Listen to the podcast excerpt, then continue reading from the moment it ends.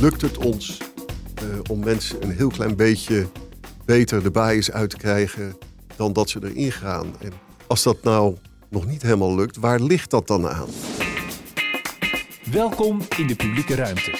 Een podcast over prangende vragen en taaie dilemma's die komen kijken bij een betere publieke dienstverlening. De plek waar nieuwe perspectieven een podium krijgen. Ja, welkom, welkom in de publieke ruimte, waarin we met gasten verkennen hoe de dienstverlening van de overheid beter kan, welke stappen zijn gezet. Uh, Otto, jij ziet eruit als een, een mild man. Dank je. En toch gaan we het vandaag hebben over hardvochtigheden. Ja, maar iedereen kan wel eens onbedoeld iets doen wat anders uitpakt dan die had gedacht. Toch hè? Ja. Uh, want je verwacht eigenlijk dat iedere ambtenaar uh, ja, van nature niet hardvochtig is. En gewoon ja, meedingt met de klant. Ja, ik denk dat er de, de context waarbinnen je opereert, zeker ten aanzien van dit onderwerp van deze podcast van vandaag, hardvochtigheid, die context is denk ik heel erg bepalend van, uh, voor, voor, voor wat iets, ja, wanneer iets hardvochtig is of niet. Ja, wat moet je doen uh, als je hardvochtigheden ziet? Hoe herken je ze überhaupt? Uh, en, en hebben publieke dienstverleners, mensen in de uitvoering ook voldoende ruimte om hardvochtigheden aan te pakken? Uh, bij ons aan tafel zit een man uh, die bij de organisatie die hij werkt een, een quickscan heeft gedaan op hardvochtigheden. Hij werkt er al ruim 20 jaar. In de algemene zin bij de Rijksoverheid. Tussendoor nog even wethouder geweest in Alkmaar. En momenteel toegevoegd aan de directie beleids- en bestuursondersteuning. Belast met bijzondere opdrachten bij de dienst Justitiële Inrichtingen, DJI. Martin Hagen, welkom. Goedemorgen. Ik heb me nog eens even uh, verdiept uh, in, in, in jouw achtergrond, ook als wethouder. Wat, wat me daarin opviel, is dat jij daar, je bent vrij kort wethouder geweest in Alkmaar, maar allerlei dingen daar voor elkaar ge, gekregen. Zelfs daar nog een erepenning voor gekregen. Dat, dat zegt wel iets over jouw betrokkenheid en, en pragmatisme. Gewoon gaan. Ja, wat betrokkenheid betreft, ik, ik ben erg gemotiveerd om voor de overheid te werken. Omdat ik, ja, Misschien uh, vanuit het verre de gereformeerde opvoeding. Hè, je talenten aanwenden ten algemene nutte. Uh, en ik, ik ben ook een groot voorstander van pragmatiek. Je kan uh, heel lang over sommige dingen praten, maar soms moet je het ook gewoon doen. Ja. En dan kijken of het werkt. En als het niet werkt, dan pas je het een beetje aan. En als het wel werkt, dan uh, ga, je weer volgen, ga je weer door naar het volgende probleem wat opgelost moet worden. Ja, en dat helpt jou ook bij het vinden en, en, en ruimte creëren voor hardvochtigheden, waar we het nu over gaan hebben.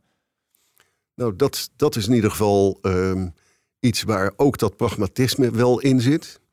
En, en wat zich richt op het bijsturen van je organisatie.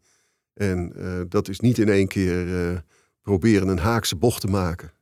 Maar, of een Haagse bocht te maken. Maar uh, juist om te proberen met kleine stuurbewegingen zorgen dat je de koers net iets verlegt. Hey, en we gaan het vandaag hebben over een doelgroep die ook zeer pragmatisch is. Sterker nog, zo pragmatisch dat ze wetten overtreden waardoor men in het gevang in de baaiers belandt. Hè, DJI, het gevangeniswezen.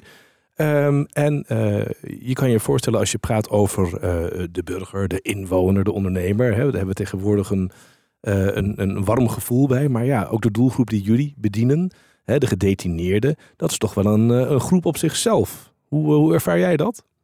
Uh, ja en nee. Het zijn allemaal mensen die uh, tot het delict pleegden heel makkelijk jouw buurman hadden kunnen zijn. Uh, die je tegenkwam in de tram of bij de snackbar of bij de voetbalwedstrijd of op de snelweg. Whatever.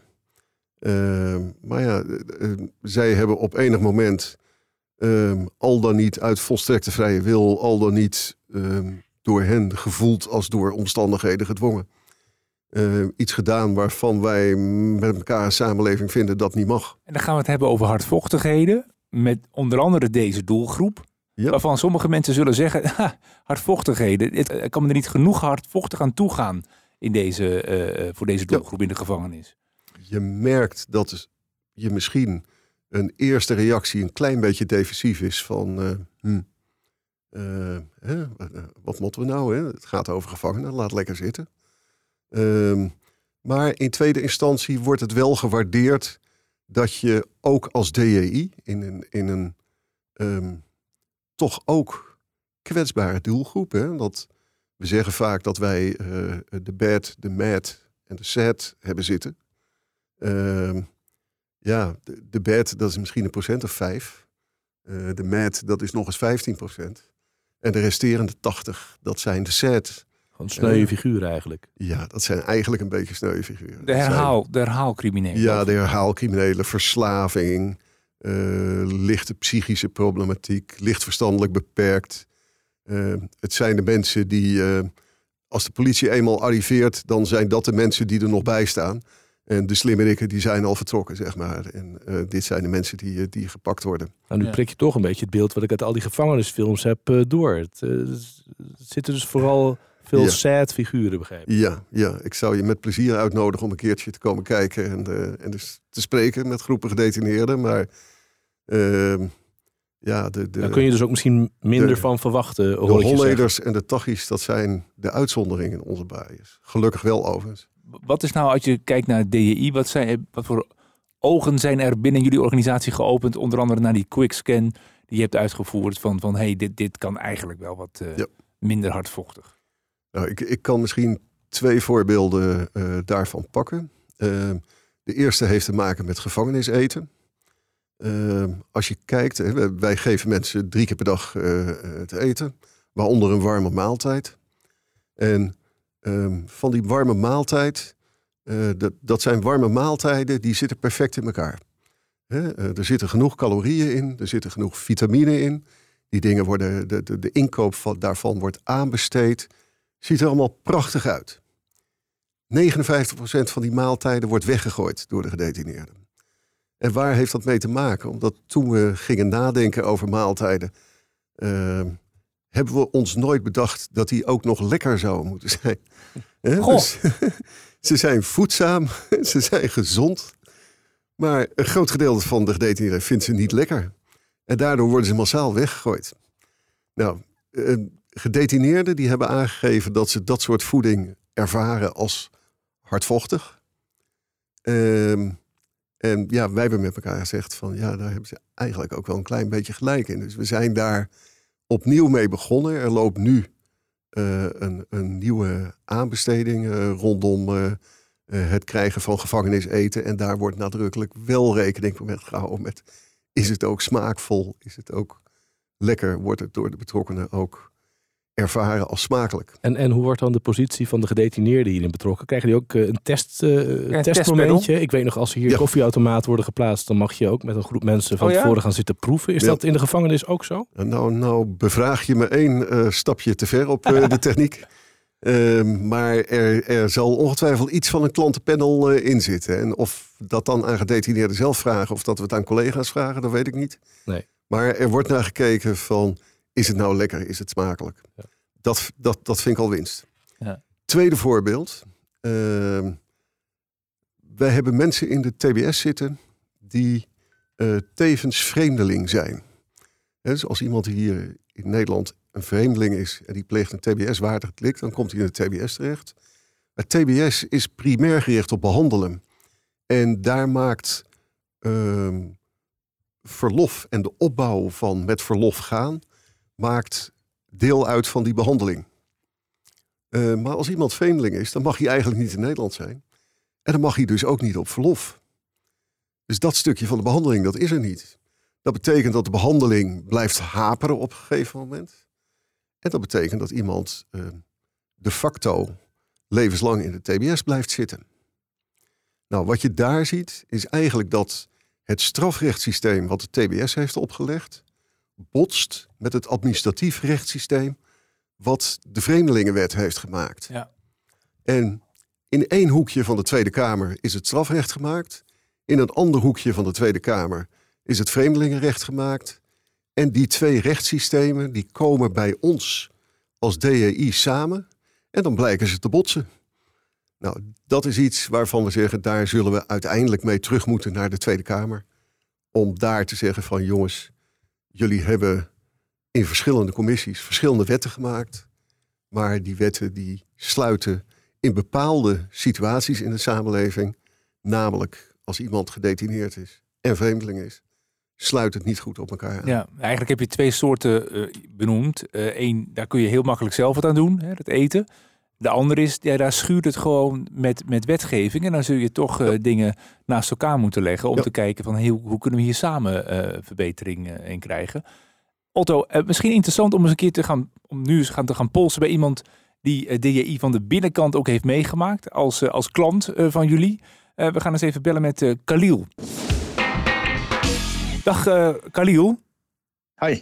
Ja, je bent nu ruim een jaar vrij nadat je een straf van 15 jaar hebt uitgezeten. Het is niet voor een, een, winkeldiefstal, zullen we maar zeggen. Een, een zwaar geweldsmisdrijf. Hoeven we niet heel diep op in te gaan. Maar wel goed om even met jou te praten. Want je hebt genoeg ervaring, zou ik maar zeggen, bij eh, DJI.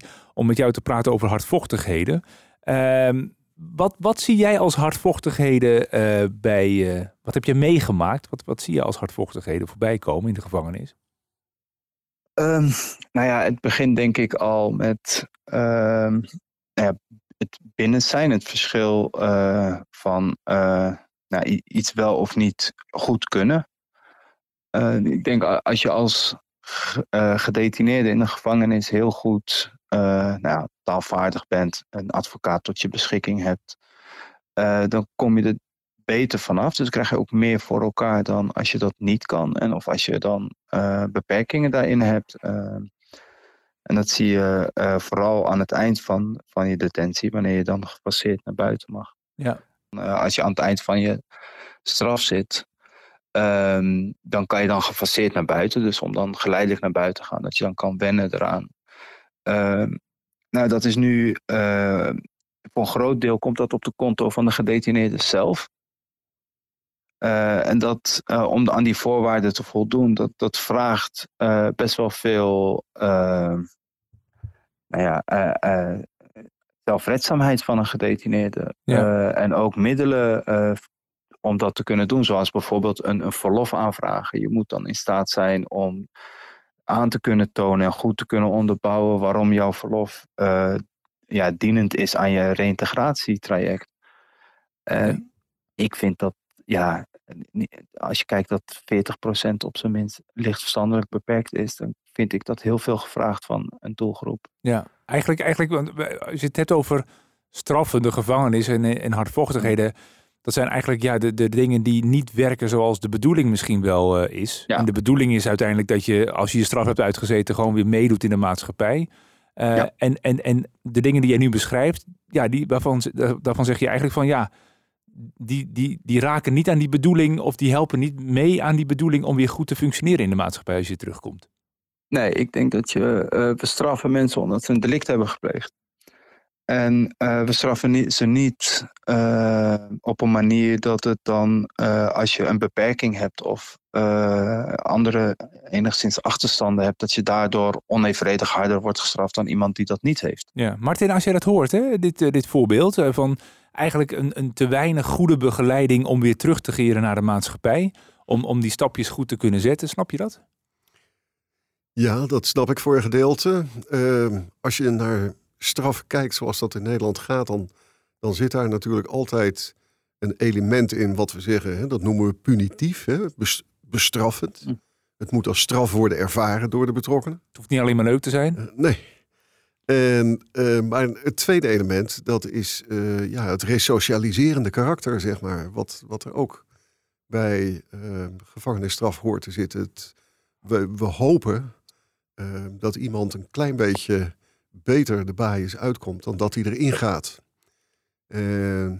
We slagen daar eh, niet altijd even goed in. Dat moeten we er ook heel nadrukkelijk bij eh, zeggen. Maar we zouden wel hopen dat we iedereen wel de kans kunnen bieden.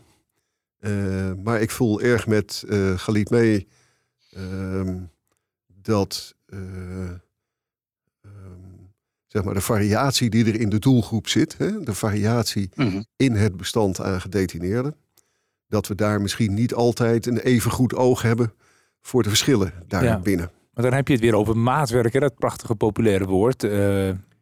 Ja, ik hoor ook eigenlijk iets terug over gelijke kansen voor iedereen. Hè? Als ik, eh, als ik Adil zo beluister, zegt hij, joh, als je slim genoeg bent of je hebt een goede advocaat, die helpt je wel met het invullen van die formulieren en die weet de regelingen wel te vinden. En dan lukt het sneller dan als je dat allemaal niet hebt. Ja, en daar zit verband tussen. Hè? Want als je slim genoeg bent, dan zorg je dat je een goede advocaat hebt. Ja. En daarmee... Ja. Uh, Kip-ei-verhaal uh, wordt dit. Nou ja, voor, voor een stukje wel. Want als je niet slim bent en je zorgt dus niet dat je een goede advocaat hebt, dan zak je automatisch een beetje af naar eh, de onderste divisies, om maar zo eh, te zeggen, van eh, Ja. eh, de hiërarchieën. Ja. En Misschien mag ik daar een vraag over stellen, Khalil. Hè? Als je het hebt over de groep gedetineerden. Ehm, merk je nou ook binnen de groep gedetineerden, als je in de gevangenis zit, dat dat verschil heel sterk? Hè? De mensen die het iets, iets sneller doorhebben en voor zichzelf beter weten te regelen. En de groep die dat niet kan. Is daar ook onderscheid in? Ja, dat merk je eh, heel erg. Ik denk dat nou, wa- wat we ook in Nederland hebben, is dat je. ehm ja, eh, er wordt elke dag een, een, verslag over een gedetineerde geschreven. Dus hoe je hebt gedragen, dat wordt dan bijgehouden in je rapport. En dat heeft dan invloed op je hele straf. Eh, en dat heeft dan ook invloed wanneer je dan aan het einde eventueel een verlof wil aanvragen of iets dergelijks. Dan zie je dat degenen die wat slimmer zijn, die weten dan het zogenaamde gewenste gedrag te vertonen. Aha.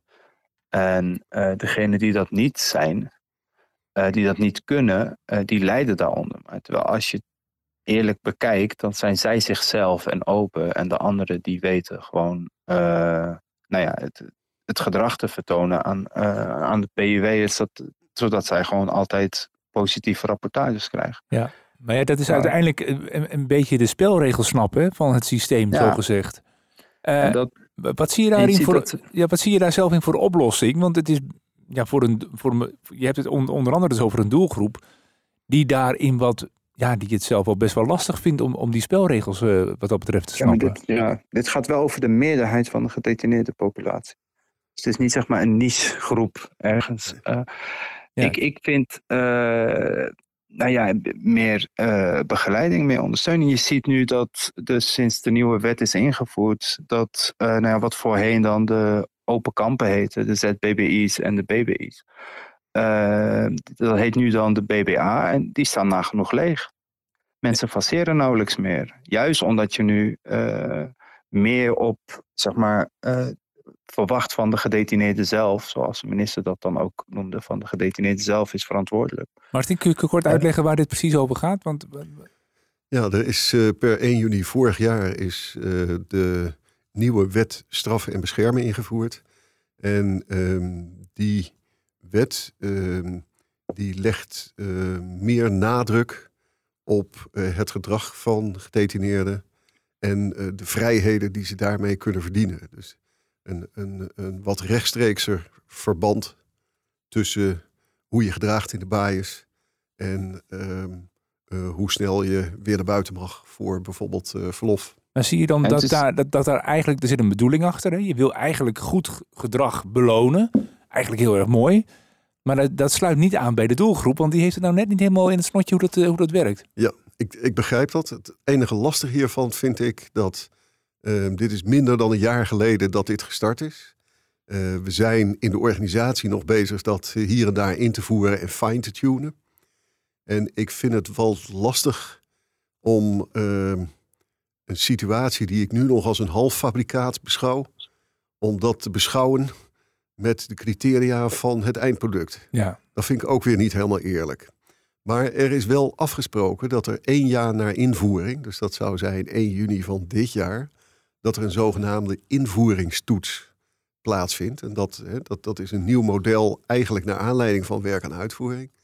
Waarin gezegd wordt van na één jaar, in plaats van na vijf jaar, wat gebruikelijk is, maar na één jaar gaan we alles in eerste voorzichtige meting doen om te kijken, gebeurt er nou wat we voor ogen hadden met deze wet? ja, gaan we het in een andere podcast overigens nog over hebben, over de invoeringstoets. Khalil, je bent nu een, Ja. eh, een jaar vrij. Eh, je hebt Mhm. een stichting opgericht voor gedetineerden, ex-gedetineerden ook. Eh, Ja. wat, wat, wat wil je met deze stichting bereiken? Is het juist ook aandacht blijven vragen voor hardvochtigheden en daar eh, ja, voor, met elkaar de juiste balans in vinden? Ja, dat. maar ook, nou ja, mijn stichting is vooral eigenlijk het samenbrengen van, van professionals en ex-gedetineerden en gedetineerden. We kijken heel erg naar, ja, we draaien het eigenlijk om. DEI kijkt voornamelijk naar wat er mis met je is. En wij willen kijken naar iemands potentie vooral. Maar je blijft het gesprek opzoeken en je, je, je, oh kom- ja, zeker. en, je, je komt nog wel eens in de gevangenis, zullen we maar zeggen. Ja. Kijk, en dan, op de, aan, dan kun je en dan aan de goede deur Maar er aan weer de uit. goede kant, ja. Via de voordeur. Heel goed. Eh Khalil, dank je wel voor eh, je verhaal. Jullie ook bedankt.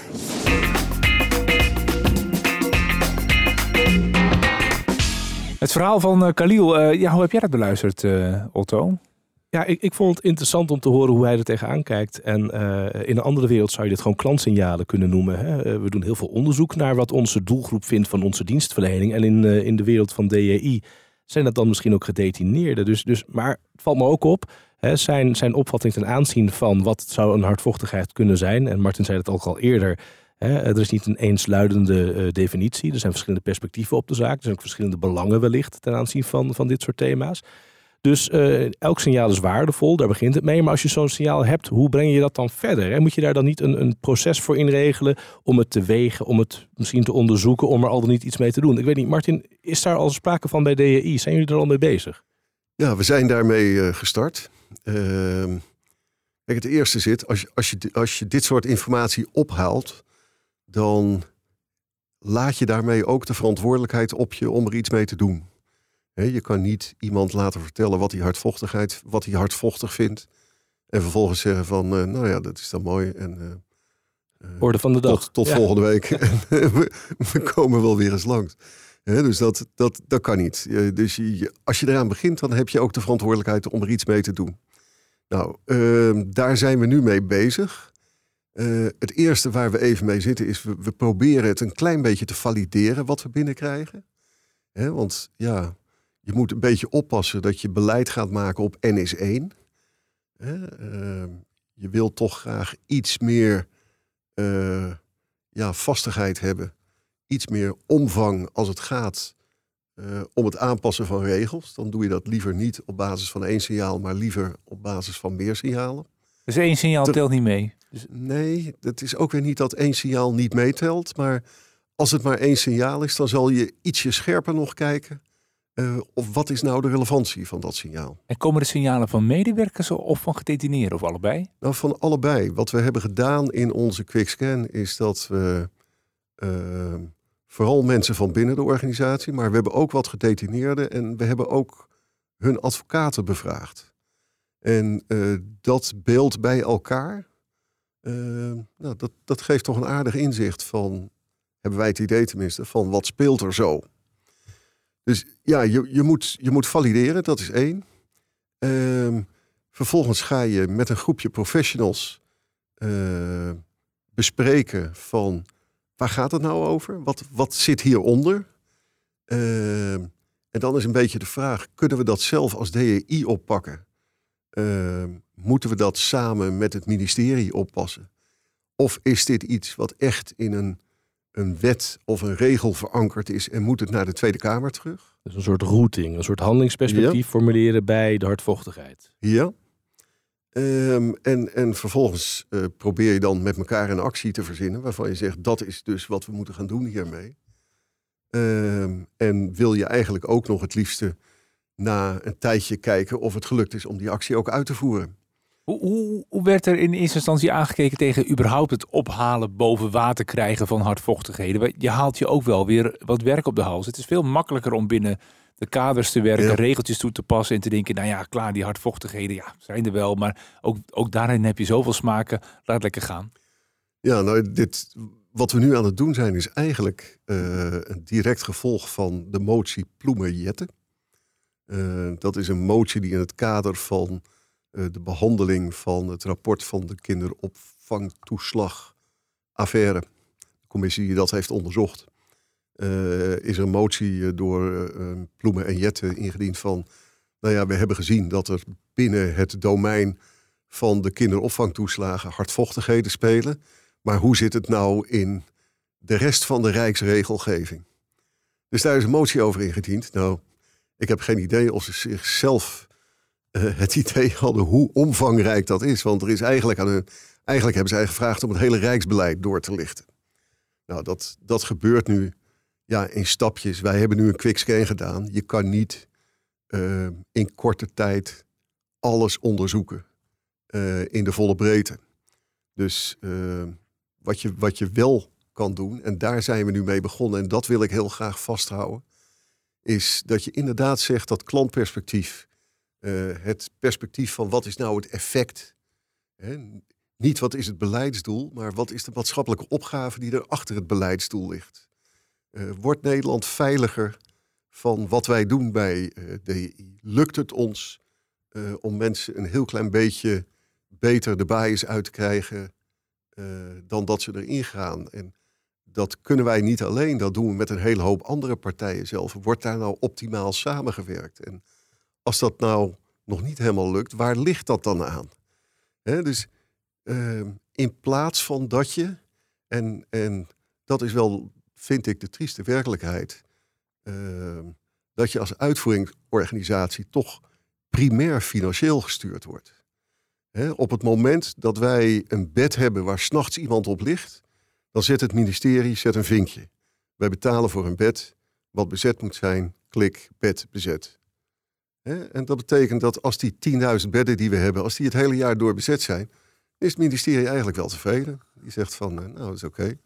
We betalen je voor 10.000 uh, bedden en uh, nou, die 10.000 bedden die zijn er en er heeft ook iedere nacht iemand opgelegen. Zo'n ja. soort booking.com die streeft naar een uh, optimale bezetting. Uh, zo klinkt dit. Nou, maar je hebt het niet meer over het bed zelf. En je hebt het niet meer over de omstandigheden. Dat bedoel nee, je? Nee, wat ik probeer aan te geven is dat we proberen nu niet alleen te kijken naar productie. Ook belangrijk, want het gaat om publiek geld en best een hoop publiek geld. Maar dat je ook probeert te kijken naar wat meer zachtere factoren. Uh, als hoe smaakt het eten? En uh, uh, is iemand binnen de grenzen dat hij opgesloten zit enigszins tevreden? Vindt iemand dat hij uh, op een respectvolle manier bejegend wordt als hij in een gevangenis is? En als iemand er weer uit is, kijkt hij dan van terug van, nou ja, ik was opgesloten, maar ehm, hè, ze zijn niet heel erg onaardig tegen me geweest of zo. Ja, zoiets. En ik heb weer perspectief. Ja, misschien. Ik heb weer perspectief. Dat zou helemaal ja. mooi zijn. Hè? Dus wegblijven een beetje van van schuld en boete. Hè. Interessant, uh, Tolstoy, om dat in het kader van DEI uh, te zeggen. En meer toe naar wat hebben we nou met elkaar te maken om te zorgen dat de dienstverlening van de overheid, publieke dienstverlening, klant vind ik eigenlijk niet zo'n lekker woord voor hem, maar publieke dienstverlening aan de burgers van Nederland, dat die gewoon stap voor stap iedere dag een klein beetje beter wordt. Ja. Nou, dat is een doel wat volgens mij meer organisaties hebben. Want DAI heeft dan deze quickscan gedaan en gekeken hoe ze dat verder kunnen brengen. Um, wij hebben ook uh, eens even navraag gedaan en we kwamen uh, heel toevallig bij Duo uit, waar Martijn dan ook weer net werkt. En daar hebben we Sean Weijers gevraagd of hij eventjes met ons gesprek wilde aangaan over de manier waarop er bij Duo wordt omgegaan met het ophalen van dit soort signalen. Jean Weijers, welkom in de publieke ruimte. Ja, dank je. Je bent uh, collega bij Duo, een manager bij de directie onderwijsvolgers. En die houdt zich voornamelijk bezig met studenten, oud-studenten. En bij die directie is al enige tijd een uh, manier gevonden om met hardvochtigheden om te gaan. Het arbitrair beraad. En ik zei enige tijd, maar het is al best een tijdje, Jean? Uh, een jaar of twaalf intussen, ja. Even heel concreet. Het is dus bedoeld om uh, casuïstiek waarvan je zegt... hé, hey, daar krijg ik buikpijn van. Hé, hey, daar kom ik net niet mee uit met mijn wet, met, met de kaders die ik heb gekregen. dat, dat kan hoger opgetild worden. Ja, dat kan als dat nodig is. Wat we proberen, dat is eigenlijk veel belangrijker, vind ik, dan dat beraad op zich. Uh, ik noem het altijd maar, dat is het ultimum, ultimum remedium. Uh, in principe probeer je de, op de werkvloer eruit te komen. En uh, dat willen we ook zoveel mogelijk faciliteren. En als we zien dat het ergens uh, niet lukt, niet sprake loopt, of iemand, een medewerker die beslissings uh, moet nemen, het niet goed gemotiveerd krijgt, dan proberen we daarbij te helpen vanuit zo'n arbitrair beraad. Ja, wat voor soort casuïstiek kun je daar ook een aantal voorbeelden van geven wat concreet voorbij komt of is voor, voorbij is gekomen? Een aantal voor, nou, wat voor de laatste tijd vaak voorbij komt zijn problemen met betalingsregelingen, betalingsachterstanden. Uh, daar zijn richtlijnen voor over wat we allemaal wel kunnen en nou ja, wat de grenzen zijn daarvan. En soms kom je met die grenzen ook nog niet uit. Uh, en dan gaan we zoeken naar wat, nou, wat is nog steeds uh, houdbaar, motiveerbaar om nou ja, naast wet en regelgeving toch ook een, een, beslissing, beslissingsruimte te nemen. Ja, en is het ook wel eens zo dat, dat wetgeving echt is aangepast? Dat je dacht van hé, hey, maar dit gaat zo scheef, hier moeten we gewoon echt de wetgever bij betrekken? Ja, dat komt met, zelfs met de regelmaat voor. Niet per se dat altijd wetgeving wordt aangepast, maar wel ons eigen uitvoeringsbeleid en onze de wijze waarop we uitvoering geven aan wet en regelgeving. Dus de interpretatie van die wet kan soms wel wat anders worden, ruimer worden. Uh, en dat kan ook wel eens betekenen dat we het met uh, onze opdrachtgever bij het ministerie moeten bespreken. Ja, nou, zo zijn we dus bezig, uh, Otto, binnen Duo. Overigens, die, die arbitraire berader Jean zijn, worden breder getrokken nu, ook bij andere directies die te maken hebben met klanten. Bij, met inburgeraars of zakelijke klanten. Um, ik, wat ik me altijd afvraag, wat volgens mij nog best een uitdaging is, is uh, hartstikke mooi dat de route er is. Maar hoe herken je nou als medewerker uh, buikpijn? Hoe weet je eigenlijk dat je nu te maken hebt met een hardvochtigheid? Want je kunt ook heel makkelijk zeggen, ja, dit is gewoon de wet, ik voer hem uit, ik heb kaders gekregen en, en, zo is het. Ja, nou daar zit het belangrijkste gebied zeg maar, waar we effecten moeten bereiken. Dat is de sensitiviteit van de organisatie en dus ook van de medewerker. En dat begint al bij het callcenter. Uh, daar moet iemand al kunnen herkennen en kunnen aanvoelen dat als hij een antwoord gegeven heeft of een beslissing aangeeft of motiveert, dat hij na kan gaan of dit wel voldoende is, of het past bij de bij, bij, dat wat de burger vraagt, bij de situatie van de burger. Ja, hey maar Sjan, en, betekent dat dan ook dat bij zo'n callcenter op de koffieautomaat overal blaadjes hangen van weet je het even niet, bel het arbitrair beraad? Dus hoe zorgen jullie intern dat die routing bekend is? Ja, dat is, dat is gewoon ontwikkeling. Kijk, je moet mensen handvatten meegeven om tekst en uitleg te kunnen geven bij de wet en regelgeving, bij vragen van klanten. Daar, daarvoor zijn wij natuurlijk, we moeten informatie geven, maar ook beslissen op aanvragen. Um, maar de kunst is nou natuurlijk om, ja, om wel... Uh, aan te voelen, aan te leren voelen, dat het in sommige gevallen misschien even nodig is om door te vragen of de, de, de uitkomst wel passend is. Maar, maar dat, kan er misschien ook toe leiden. Dat kan er misschien ook toe leiden dat de medewerker denkt: ja, nu heb ik geëscaleerd naar zo'n beraad. En nu krijg ik mijn eigen vraag met een mooi strikje erom weer terug. Dat ik iets meer interpretatieruimte moet nemen dan ik misschien deed. Uh, nou, als dat, als dat het gevolg. Kijk, in de regel proberen we te zorgen dat mensen allereerst met elkaar over in gesprek gaan. Dat het gesprek überhaupt plaatsvindt. Dat helpt mee om het te herkennen. Uh, ten tweede is het dan een mogelijkheid om met, met uh, specialisten van, uh, van de wet en regelgeving zeg maar, te kijken naar welke ruimte zit er, welke interpretatieruimte zit er in de, in de wet en in de regels en in ons uitvoeringsbeleid. Zit daar ruimte om alsnog een beslissing te nemen en hoe motiveer ik dat dan op de juiste manier? En daarmee helpen we juist vanuit dat beraad. Als het al niet in een eerder stadium gelukt is, dan is er in het, vanuit het beraad in de regel de oplossing die we bieden om met de juiste motivering iets te kunnen doen. Of ah, met de juiste motivering beter te kunnen uitleggen waarom iets niet kan. Ja. Zie, zie, je overigens, want jij doet er al een tijdje, zo'n arbitrair beraad, dat die ruimte die er is, uh, ook misschien wel vanuit de politiek, vanuit het beleid, om die uh, interpretatie soms wat, wat breder te trekken, dat die uh, gro ja, groter wordt? De, nou, de ruimte, denk ik, dat was er altijd al wel. Maar de, de roep om te onderzoeken hoe, hoeveel ruimte er is, die is groter. En de, de druk om, om, goed te kunnen motiveren waarom die ruimte er is uh, en uh, wel of niet uh, gebruik van wordt gemaakt, dat, die, die roep is veel groter. We moeten veel beter kunnen uitleggen ehm, wat, de, nou, wat de effecten zijn, waarom het acceptabel is, of het in lijn is met de, met de bedoeling van de wet. Ja. En dat is, het, het vraagt ook veel meer aan motivering. En Martijn, als ik dit zo beluister, denk ik heel erg aan de VAR. Dit is gewoon, uh, je zit bij Duo en iemand roept VAR. En dan gaan we even met het beraad kijken of hetgene wat uh, op het speelveld gebeurd is, of het allemaal uh, in de haak was of niet. Of dat er nog een aanvullende beslissing nodig is. Zo? Of aanvullende motivering. Ja, ja exact. Ja. Want dat laatste, dat, dat, dat roep ik ook elke keer wel weer. Want het, er is heel veel roep om maatwerk. Dat is prima. Maar dat wil niet zeggen dat er in alle gevallen ook daadwerkelijke maatwerkoplossing geleverd moet worden. Het kan ook zijn dat er goed gemotiveerd wordt aangegeven waarom maatwerk in dit geval nou net niet de bedoeling is. Ja, en, en uh, jij hebt het dus maar wel door die roep uh, die dus groter wordt om in ieder geval die toets te doen, die VAR in te roepen, zoals uh, Otto het zo mooi zei. daardoor heb je het wel wat drukker gekregen dus de laatste tijd. Ja, dat, niet zozeer drukker in, in, het, in de, de hoeveelheid casuïstiek die aangeleverd wordt om te bespreken. Maar vooral meer in het kijken hoe we de rest van de organisatie zover krijgen dat die sensitiviteit goed ontwikkeld wordt. En dat we de faciliteiten bieden uh, om die beslisruimte te verkennen. Ja. Uh, Martin, uh, jij, jij, hoe, hoe, beluister jij dit als je dit hoort, zo'n arbitrair beraad, zo'n zo VAR? Um, het eerste waar ik aan moet denken, dat is dat dat alleen maar werkt als niet iedere twee minuten het spel onderbroken moet worden, omdat je naar de VAR toe gaat. Zeker. dus je, je moet je arbitraire beraad, denk ik, toch een klein beetje uh, voor bijzondere gevallen bewaren. En proberen om uh, de bulk van je gevallen toch in je normale bedrijfsproces een plaats te geven. Herken je Nou, dat zo? helemaal. Spijker, ja, spijker op zijn kop.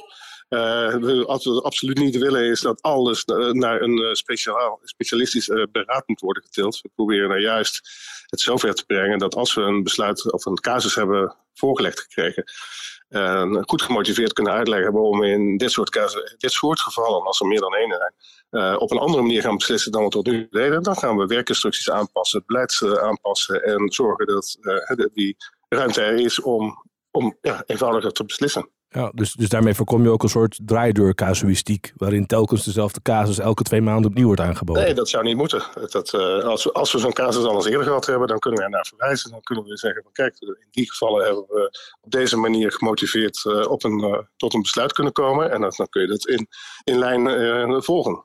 Oké. Jean, dankjewel. Graag gedaan. Ja, collega van Duo. Jean. Ja, Oké. Jean Helder verhaal. Helder verhaal. Dit was dan bij Duo eh, toevallig, eh, Martin. Eh, maar ehm, ken je nog andere organisaties die hier ook al wegen in hebben gevonden om, om dit naar boven te krijgen? Ja, zeker. Volgens mij is de bekendste de Belastingdienst zelf. die inmiddels het Stella-team noemen ze dat volgens mij. Dat is zo'n plek waar ingewikkelde gevallen geprobeerd worden te voorzien van maatwerk. Ik weet dat het UWV en de Sociale Verzekeringsbank daar ook dingen in doen. Ehm, dus ik, ik, denk dat het op zich eh, heel prima is als je als organisatie realiseert dat je, laten we zeggen, 80, 90 procent van je werk prima kan afdoen met bulk en met automatisering. Maar dat je voor jezelf de mentale ruimte overhoudt en die, die mentale ruimte dan ook materialiseert in een maatwerkvoorziening. Waarvan je zegt van, nou, daar moeten dus de dingen terechtkomen eh, waar die bulk, eh, ja, wat buiten de bulk valt. Ja, Martin, eh, je hebt er goed over nagedacht. Ik kan me voorstellen dat er luisteraars zijn eh, voor wie dit onderwerp relatief nieuw is, die hier misschien nog mee moeten beginnen. Hè, ehm, als je het over iets heel kleins hebt, eh, als je hiermee begint, een onderzoek naar hardvochtigheden, waar, waar zou je je collega's bij andere uitvoeringsorganisaties adviseren om te starten? Ehm, ik denk dat je eh, moet zoeken eh, naar het, het eind van het proces. Hè? Dus waar, eh, waar zouden nou de, de, de effecten van wat je met je organisatie beoogt te doen zichtbaar moeten worden? Dat je even moet kijken, omdat dat soms verder gaat dan de missie. Hè? Dus je moet even kijken of de missie van je organisatie, of daar nou wel de dingen in staat. Of dat je één treedje hoger moet en dat je moet kijken naar wat is nou de maatschappelijke opgave van mijn organisatie, al dan niet samen met andere organisaties. Ehm, en ik denk dat je moet proberen invulling te geven aan het burgerperspectief. En dat is heel lastig. Volgens mij komt er vanuit werk en uitvoering nog eh, een workshop en misschien ook nog wel een podcast eh, hierover. Maar dat invulling geven aan het burgerperspectief, dat is veel ingewikkelder dan eh, gewoon even een enquêtetje doen eh, onder, eh, onder wat mensen op straat, zeg maar. Dus dat, dat zou mijn tip zijn. Daar begint het, aan het eind van het proces bij de Ja. burger. Ja. Ja. Dankjewel, Martin Hagen.